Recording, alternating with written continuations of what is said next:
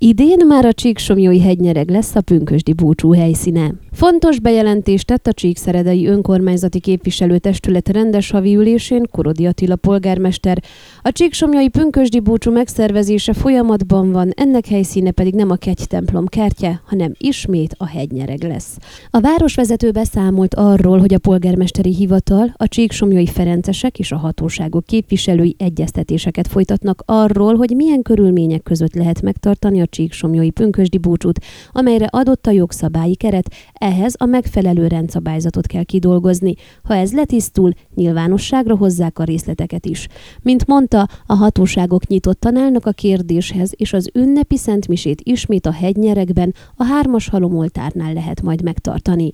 A polgármester ugyanakkor felkérte az önkormányzat kulturális szakbizottságát, hogy Fodor Sándor író leendő köztéri szobráról folytasson egyeztetéseket, figyelembe véve a közös közösségi igényt is a végső változat elfogadása érdekében. Korodi felhívta a figyelmet arra is, hogy elindult egy konzultáció a Csíkszeredai megyei sürgősségi kórház bőrgyógyászati és szemészeti osztályainak jelenleg otthont adó régi kórház, illetve a fülorgégészeti kórházi osztályt befogadó lábasház jövőbeni rendeltetését illetően, mivel a kórház új épületének elkészülte után ezek felszabadulnak. Ugyanakkor a Mikóvár hátsó udvarának is funkciót kell találni, ha pedig a közeli Vákár Lajos műjégpálya és a gyorskorcsolya pálya is önkormányzati tulajdonba kerül, akkor több hektár területet kap a város, amely számára köz, majd szakmai vita után övezeti rendezési tervet kell készíteni. A polgármester arról is beszámolt, hogy a fenntartható mobilitási terv beruházásainak részét képező Hargita utcai korszerűsítés során a beterjesztett módosítás alapján nem készül az útpályát elválasztó betonfal, amely megnehezíteni a forgalmat és az ottani cégek megközelíthetőségét.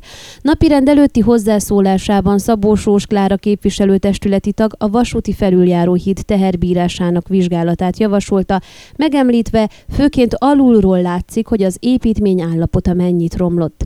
A polgármester emlékeztetett, jelenleg a három és fél tonnánál nehezebb járművek áthaladása tiltva van a hídon, és mivel közelebbről lezárul az újjáépítés érdekében kírt közbeszerzési eljárás, a szerződéskötés után a hidat lezárják, mert megkezdődik annak bontása. Szintén a közlekedést érintő változás, hogy a Hunyadi János utcában a Székút irányába vezető leágazásnál egy körforgalmat fognak ideiglenesen tesztelés érdekében kialakítani, hogy gördülékenyebb legyen az autós forgalom, közölte Korodi. A testület szerette volna napirendre tűzni a lendületsétány hetes szám alatti közösségi tér és korszerű játszótér kialakítása céljából készült megvalósíthatósági tanulmány elfogadásáról szóló határozattervezetet.